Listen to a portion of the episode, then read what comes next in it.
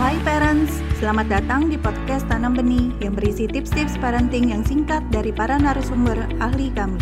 Untuk mendapatkan tips-tips terbaru kami, follow podcast Tanam Benih. Yuk kita dengarkan bersama. Dalam membuat program jangka panjang ya untuk anak yang mengalami autism, orang tua itu benar-benar harus siap dan fleksibel. Siap dalam arti gini, dia harus siap kalau memang anak ini tidak sanggup menempuh jalur mainstream atau sekolah yang umum seperti teman-temannya yang tidak mengalami autism. SD, SMP, SMA yang formil sampai universitas gitu ya.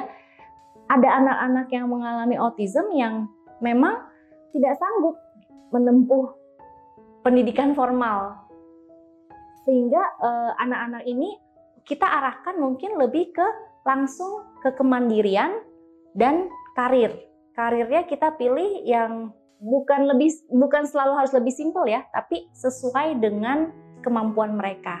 Contohnya, ada anak-anak yang mengalami autism yang mereka nggak bisa menghafal PPKN, sosiologi nantinya pas di SM, SMA. Nah, tapi mereka bisa dengan sangat baik misalnya membuat prakarya atau membuat hiasan atau lukisan yang nantinya bisa dijual dan bagus gitu ya. Contohnya seperti itu. Ada contoh lain misalnya ada anak-anak dengan autism yang dia bisa langsung dilatih untuk benar-benar kerja. Jadi prosedurnya itu bisa dilatihkan ke mereka.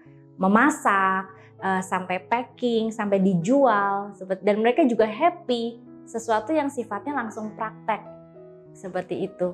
Jadi itu yang pertama orang tua harus siap dan yang kedua itu fleksibel. Bisa saja uh, di awal, oh anaknya belum bisa nih di sekolah formil.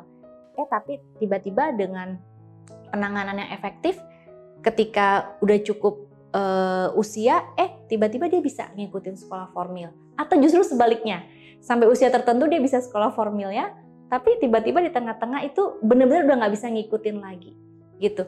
Yang penting uh, harus kita keep in mind itu adalah apa pun jalurnya, ya ibaratnya track lari gitu ya. Mau tracknya yang mainstream seperti anak lain pada umumnya atau tracknya berbeda yang mungkin langsung ke karir atau tracknya yang mungkin oh kita uh, terapi dulu gitu ya. Ujungnya itu harus kemandirian gitu. Jadi apa pun tracknya orang tua harus berbesar hati dan berpikir oke okay, yang penting at the end dia mandiri ketika dia dewasa. Saya bilang dewasa 17 tahun lah. Ketika 17 tahun dia bisa mandiri. Dia bisa tidak bergantung pada orang tuanya. Seperti itu.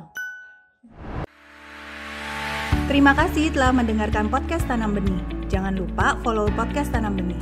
Tidak pernah ada kata terlambat loh untuk belajar.